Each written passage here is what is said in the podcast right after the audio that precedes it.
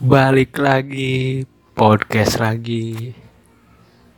Pagi ini udah lama ngebikin podcast sebulan eh, sebulan kemarin lewat saya nggak upload podcast. Karena sibuk banget bulan kemarin. Pulang pergi BSD Majalengka. Nggak ada waktu buat bikin podcast kali ini buat upload nanti 15 Mei. Bulan puasa berarti ya. Waduh. Gak kerasa tahun ke tahun udah eh, makin cepat aja. Baru kemarin perasaan puasa. Baru kemarin batal di siang hari. Wah. Gimana kabarnya teman-teman? Baik-baik saja atau sudah ada peningkatan yang signifikan? Asik. Semoga baik-baik dan tetap berusaha yang terbaik untuk mewujudkan impian dan cita-citanya. Oke kali ini gue mau bahas tentang quarter life crisis yang di mana ada masa-masa di mana umur mendekati 25 tahun itu banyak banget kecemasan yang mulai kerasa. Entah itu menghadapi hubungan yang serius, entah itu yang sudah menikah eh, mempersiapkan punya anak, entah itu yang eh, punya pekerjaan yang begitu-begitu saja, yang kuliah juga masih malas-malasan banyak. Quarter life crisis itu ya setahu saya itu eh, satu bagian di mana fase itu semua orang mungkin 8 dari 10 orang akan mengalami yang namanya fase seperti itu. Di mana ada mereka berpikir bahwa gue udah 25 tahun nih masa gue gini-gini aja gitu. Teman-teman gue udah nikah gue udah 25 tahun belum juga selesai kuliah. Itu akan ada memang hal-hal seperti itu. Dan gue juga merasa hal ini eh, hampir terjadi sama gue gitu. Tapi ya alangkah baiknya tidak dibawa enjoy dan tidak dibawa enjoy itu dalam artian harus dipersiapkan. Karena memang kita akan mengalami eh, fase yang akan lebih jauh lebih berat ke depannya. Gitu. Kita tentu setelah lulus kuliah akan mencari pekerjaan. Setelah mendapat pekerjaan tentu kita akan menikah. Setelah menikah juga kita harus membahagiakan eh, istri dan keluarga kita. Itu mungkin yang mungkin tidak ti- jangan terlalu dipikirkan untuk saat ini tapi perlu disiapkan untuk masa-masa itu. Itu sebuah kondisi di mana yang pasti terjadi, mungkin beda kondisi. Siapa sih yang gak bakal menikah? Siapa sih yang gak bakal mencari pekerjaan yang lebih baik? Itu suatu keharusan di mana untuk mendapatkan sebuah titel kemapanan yang yang ada pada saat ini gitu. Mungkin kita harus bekerja, punya rumah, punya kendaraan, keluarga bahagia, itu yang diharapkan semua orang. Nah, eh, kita yang mungkin belum mencapai ke sana, tentu jangan hanya dipikirkan dalam-dalam eh, hingga pada akhirnya membuat beban pikiran. Itu harus dipersiapkan dengan usaha dan doa tentunya. Ya sambil ngopi nih pagi-pagi. Udah sarapan juga. Gue sih pagi ini libur ya karena tanggal merah hari buruh. Entah mungkin teman-teman ada yang bekerja. Mungkin ada yang lembur di kantornya tetap semangat. Karena apa pun itu sudah menjadi tanggung jawab kalian sebagai karyawan perusahaan itu. Jangan banyak keluh karena hidup banyak ngeluh itu terkadang memang nggak ada manfaatnya mengeluh itu capek lah inilah itulah. Satu sih kalau memang nggak sesuai cari yang lebih baik nggak usah ngeluh. Berusaha cari yang lebih baik gitu. ah di sini kerjanya capek ya udah. Lu nyari kerja yang lebih ringan nyari kerja yang gak capek. Ah di sini gajinya kecil ya udah lu jangan ngeluh. Lu nyari kerja yang gajinya gede. Tuh kunci hidup bahagia. Kalau ngeluh-ngeluh terus lu lupa nanti solusinya. Menemukan kebahagiaan kayak gimana. Hmm. quarter life crisis ini gue mungkin belum mengalami sepenuhnya ya. Tapi sedikit demi sedikit gue merasakan oh iya ya gue umur udah mendekati eh, uh, 25 tahun meskipun belum ya masih jauh. Sekitar tiga tahunan lagi. Oh iya ya kerjaan masih gini-gini aja. Mungkin ada pendengar gue juga yang iya sama. Gue juga kerja masih gini-gini aja. Kuliah nggak karu-karuan males ngerepotin orang tua segala macem Oke, tadi kejeda sebentar. Tadi udah sampai ngerepotin orang tua. Kuliah masih gitu-gitu aja, kerja juga seadanya cukup buat bayar utang doang. Kerja lagi bayar utang ya. Udah. Emang itu hal yang wajar.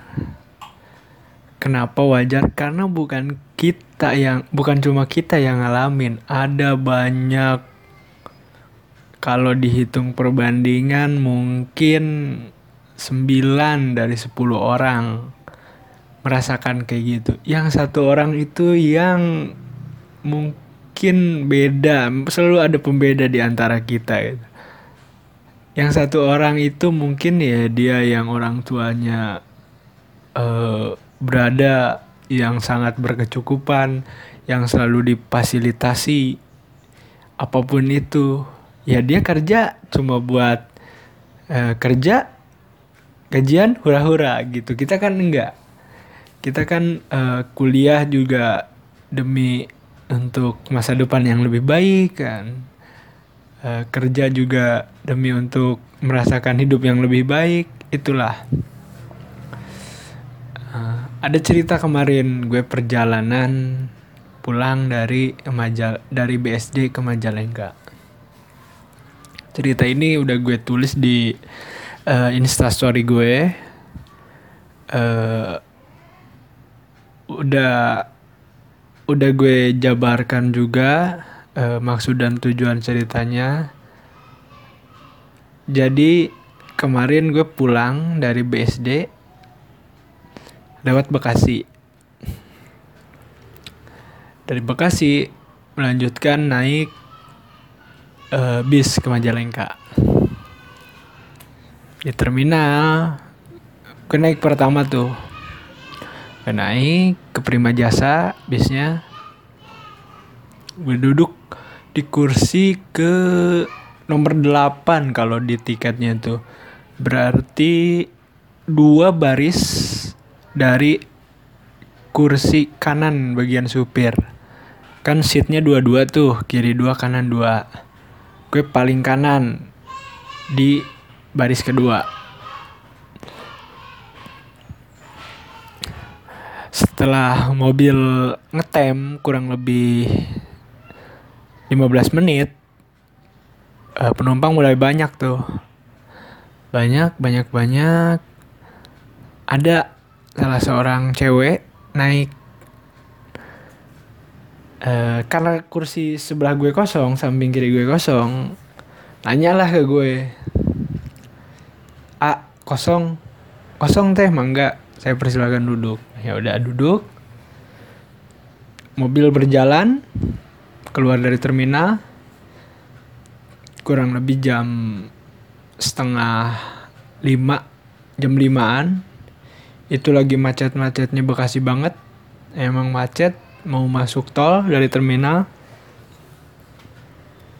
Di tengah kemacetan Bekasi tiba-tiba obrolan pecah. Saya yang lagi bengong lagi merhatiin macetnya jalan eh noleh sebentar. Oh ini nanya ke siapa nih gitu. Kira eh takutnya tengsin kan bukan nanya ke saya dijawab gitu.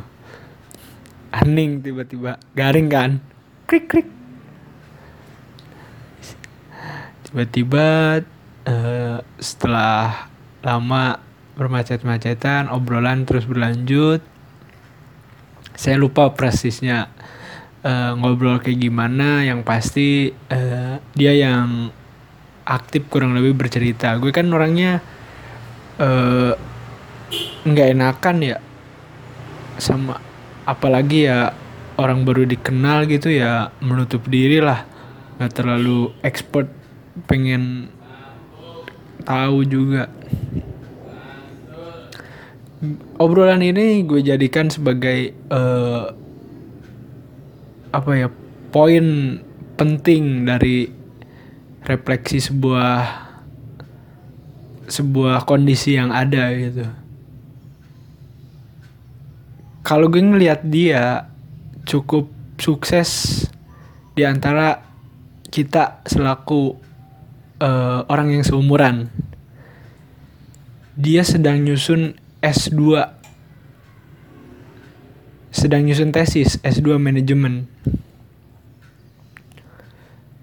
uh, sambil bekerja juga di salah satu bank banknya BRI di Subang jadi dia bercerita setiap minggu pulang dari Bekasi ke Subang karena kuliahnya Sabtu Minggu kerjanya Senin sampai Jumat. Senin sampai Jumat dia di Subang, Sabtu dan Minggu dia di Bekasi.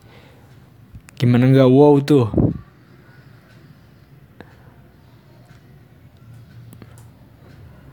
Ya tiga tahun bekerja di Bank BRI tersebut. S2-nya juga selesai dengan cukup bagus itu hampir selesai karena uh, tidak ngaret sampai 4 dan beberapa tahun gitu dia lulus S1 2017 17 18 19 2 tahun dia menyelesaikan hampir menyelesaikan tesisnya. Kemarin dia teng dia tenteng skripsi eh iya tesis yang gue kira skripsi itu. Kayaknya nih pas dia masuk tuh pertama di ke terminal gitu masuk ke bis. Oh ini anak mau lulus nih S1 nih kayaknya skripsi nih karena banyak coretan di skripsinya revisi. Gue kira skripsi S1 ternyata tebakan gue salah. Itu adalah tesis S2 manajemen. Gue tanya bidang apa teh? Eh, eh bahas apa tesisnya? Apa ya kar? Apa sih? Dia sebut satu kata entah kata apa gitu gue kurang jelas dengernya. Gue oh aja oh gitu uh, gue tanya kenapa bisa ambil S2 kenapa bisa kepikiran S2 bukannya harus ada karya ya kalau mau masuk S2 oh enggak kalau manajemen. Kalau seni IT mungkin iya. Kalau manajemen sih enggak. Daftar biasa kayak S1 dia bilang begitu. Uh, emang gak keporsir waktunya uh, eh, S2 sambil kerja? Dulu sih awalnya iseng katanya iseng iseng tapi udah beres udah hampir beres. Ya mungkin salah satu mujizat Tuhan kita aja yang kadang menyeriuskan kuliah nggak beres-beres ya.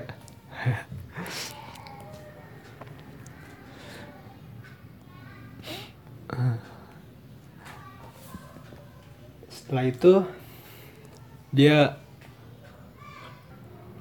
uh, bercerita banyak tentang men, apa menyiasati waktunya sebetulnya kata dia kalau eh gimana sih? Hmm,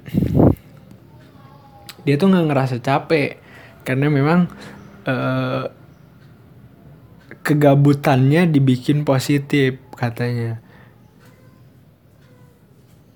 Jadi Sabtu Minggu daripada bengong katanya di Subang nggak ada nggak ada yang uh, asik gitu ya udah kuliah aja. Dulu kenapa dia kuliahnya di Bekasi? Mungkin ya dulu uh, dia emang di Bekasi S satunya nggak tahu juga gue nggak nanya. Di situlah ngobrol-ngobrol banyak nggak kerasa udah nyampe Subang dia udah mau nyampe. Nyampe sampai gue buat story di Instagram uh, kenapa nggak nom minta nomor WA nya?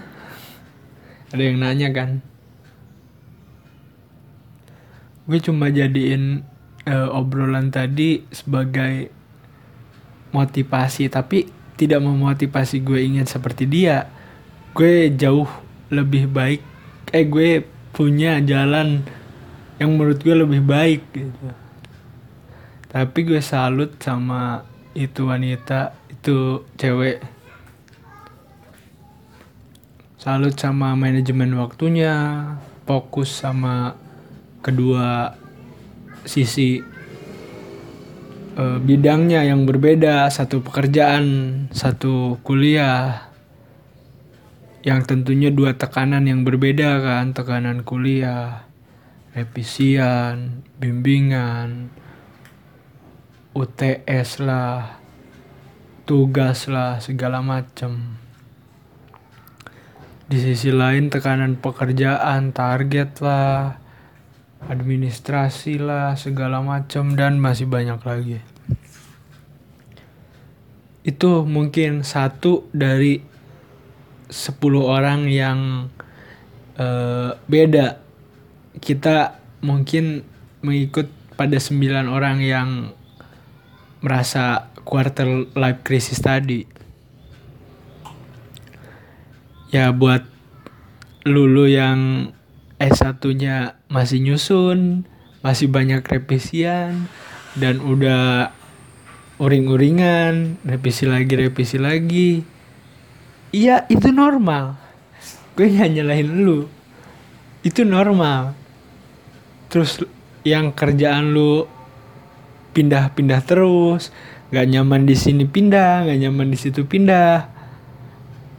Itu normal karena memang ya manusia itu kalau diciptakan semua kayak si wanita tadi ah nggak ada asiknya. Nggak ada asiknya. Karena memang hidup itu harus ada seninya gitu. Seni itu kan menurut gue tuh perpaduan seni ya menurut gue tuh. Kalau ngelihat warna yang dipadu padankan juga udah seni menurut gue tuh.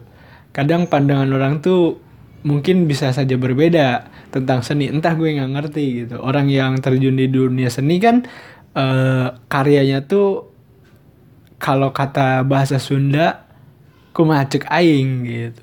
Seni. Perpaduan warna yang yang enak dipandang juga udah di anggap seni menurut gue gitu. Entah gue nggak bakal ngomongin eh, hal-hal yang nggak gue ngerti itu nggak gue tahu karena nanti jadinya sotoy. Tapi kalau memang uh, gue salah tolong dikoreksi ya. Uh, kalau menurut seni gitu seni menurut gue itu perpaduan warna eh enggak gini. Perpaduan warna yang yang enak dipandang menurut gue juga itu udah seni gitu. Masih banyak kan kayak misalkan uh, bentuk yang enak dipandang menurut menurut orang lain juga mungkin seni gitu. Gini aja lu pernah kan ngeliat lukisan harganya mahal tapi lukisannya kayaknya ya kayak coret-coretan anak TK gitu kayak tulisan anak SD tapi kok harganya mahal banget? Ya itu seni gitu. Lu kalau memang uh, menghargai uh, mengakui seni itu pandangannya seperti itu ya sah-sah aja gitu. Kalau enggak ya udah nggak usah komplain juga. Namanya juga seni. Gitu. Kalau gue sendiri nggak ada uh, keturunan seni ya nggak tahu gue tuh lebih ke apa ya? Kalau seni itu hanya penikmat mungkin bukan bukan pembuat seni kontemporer ya khususnya seni lukis gambar gitu. Gitu seneng sesuatu yang eksak yang pasti. Tidak ada uh, gitu nggak seneng di melihat eh ya mempelajari sesuatu yang kondisinya berubah-ubah. Kayak semacam ilmu sosial itu kan berubah-ubah. Kondisi masyarakat A dengan kondisi masyarakat B e, berpengaruh pada keputusan suatu. Nah itu. Ke e, apa ya tidak tertarik mempelajarinya. Itu lebih lebih seneng ke sesuatu yang pasti gitu. Kayak hukum salah satunya. Hukum kan pasti walaupun gue juga menyadari ke kepastian hukum saat ini masih uh, tidak tegas lah dalam artian ya tumpul ke atas tajam ke bawah. Dalam artian ya penegakan hukum itu seharusnya uh, sama rata gitu.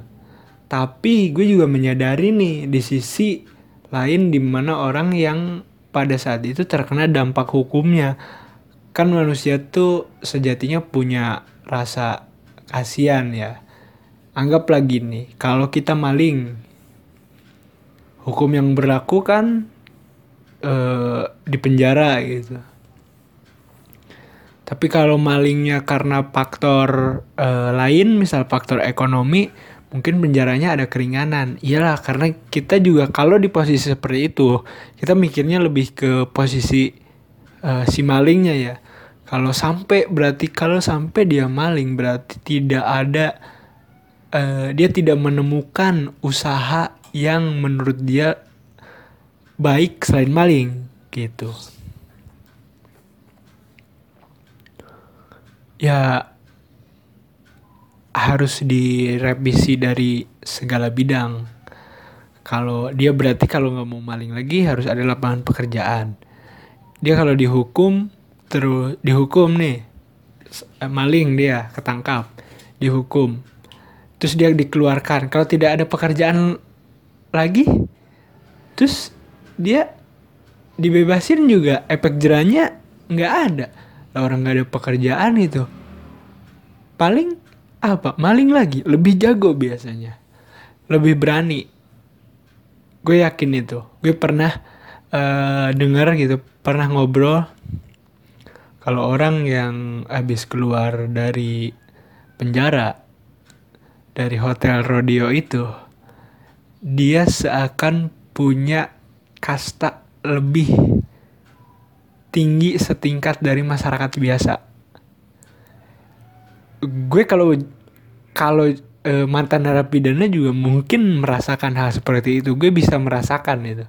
Karena memang ya dia pendidikan bukan pendidikan apa sih karakternya terbentuk dari dal dari ruang yang e, tidak diinginkan banyak orang dan itu mungkin e, sedikit beda. Pendidikannya ya pendidikan penjara men. Pendidikan yang tidak semua orang bisa dapat.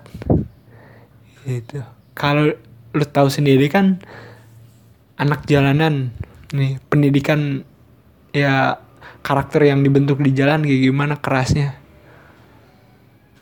Memakan harus ada duit kan. Mereka harus ngamen ngamen gak dikasih tetap tenang tenteng. Mereka cuma buat makan. Karakter mereka terbentuk dari uh, satu motivasi itu mengisi perut. Apalagi ini di penjara komplek. Yang dalamnya isinya berbagai macam kasus. Mungkin ada kelas-kelasnya khusus ya.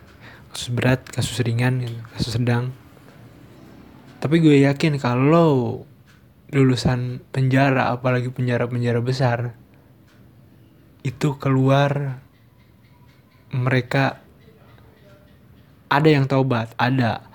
Tapi kebanyakan kalau mereka dilepas di lingkungan yang seperti itu lagi, mereka bakal membentuk satu koloni yang mungkin si mantan narapidana ini menjadi ketuanya, menjadi panglimanya, lalu mengerahkan anak-anak buahnya.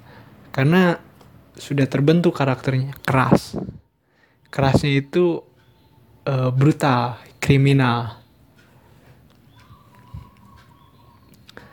Makanya kan eh, penjara penamaan penjara itu diperhalus dengan lembaga pemasyarakatan karena kalau penjara tuh gua, lu dengar penjara kayak gimana sih? Gue dengar penjara tuh kayak sel ruangan tiga kali tiga mungkin ya.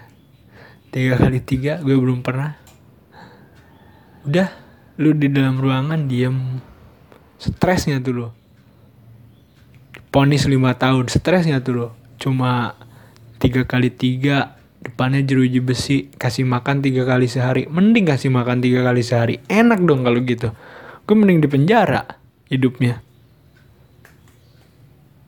Kan kenyataannya enggak. Yang gue tahu kenyataannya gue denger dari uh, Andrian nih kalau nggak salah nih dari teman gue nih. Mereka biasa kayak macam sekolahan. Di dalamnya tuh uh, macam-macam ada yang uh, kursus kayu gitu. Bikin rotan ada yang ngelas ada yang nyuci-nyuci ada gitu. Mending dikasih makan. Memang dikasih makan cuman makanannya uh, dibilang tidak bergizi sih tidak terlalu karena memang bergizi. Cuman ya rasa rasanya tidak diperhatikan. Lu tau lah makanan rumah sakit aja yang harusnya bergizi dan enak-enak nyatanya tidak enak? Tahu juga hambar gue pernah makan makanan rumah sakit.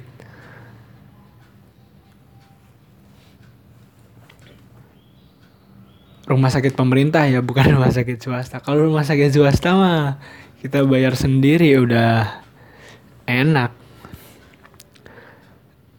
gue juga sempat berpikir dulu kalau nih uh, gimana sih nyobain penjara gitu? Kayaknya enak gitu kalau kalau misalkan lu pengangguran homeless gak punya rumah misal nggak ada sebatang kara hidup apa lu nggak berpikir gini aja? Lu nyuri sampai ditangkap polisi jangan sampai digebukin tapi ya lu digebukin sekarang ya lu mampus bukan ke penjara lagi. Lu nyuri lu ketahuan nyerahin diri lah ke polisi. Lu cobain tuh rasanya penjara. Ya mudah-mudahan eh, apa mengurangi beban lu saat lu homeless tidak punya uh, saudara sebatang kara gitu. Kan masih mending di penjara. Ada temen dikasih makan ada kegiatan ya kan? Enggak tapi itu jangan dicoba. Ter uh, susah juga nanti kalau penjara penuh. Gara-gara cuma mau nyobain penjara gila sih itu. Yang gue takutkan sih memang uh, pasti perlakuannya tuh di luar nalar. Udah segala macem lah ada satu cerita gue baca di uh, forum. Entah kaskus atau apa gitu gue. Kaskus kalau nggak salah. Uh, pengalaman pengalaman unik di penjara. Jadi ada ada keluarga mau besuk saudaranya. Mau besuk ya saudaranya di lapas dia mau beli minuman si saudaranya. Min, eh, minuman ringan teh pucuk. Tahu nggak lu harganya berapa? Dia beli dua uang seratus ribu nggak dikembaliin. Harganya lima puluh ribu teh pucuk men. Di penjara itu. Gila nggak tuh lo uh, si yang curhat ini di kaskus gue mau nanyain kembalian malu. Gue udah pede beli dua kirain harganya berapa harganya normal gitu. Ternyata harganya lima puluh ribu. Itu benar gue baca. Lah masa iya sih? Ya. terus disambung lagi dengan uh, uh, curhatan yang lain yang bukan di penjara gitu. Kayak yang harga aqua di bandara harganya nyampe 25 ribu kayak yang harga es kelapa di salah satu bar di Bali harganya seratus ribu. Gitu. itu kan lu masih mending teh pucuk dua lima puluh ribu. Gue aqua doang di bandara dua puluh lima ribu. Lah kalian masih mending katanya. Aqua dua puluh lima ribu teh pucuk lima puluh ribu. Gue es kelapa eh air kelapa katanya air kelapa dimasukin ke gelas harganya seratus ribu di salah satu bar di Bali. Omnia mungkin ya gue uh, karena bahasanya tuh pakai inisial OM. Omnia. Eh Omnia. Apa sih? Aduh. Ya itulah. Kok Omnia sih? Omnia bukannya rumah sakit ya?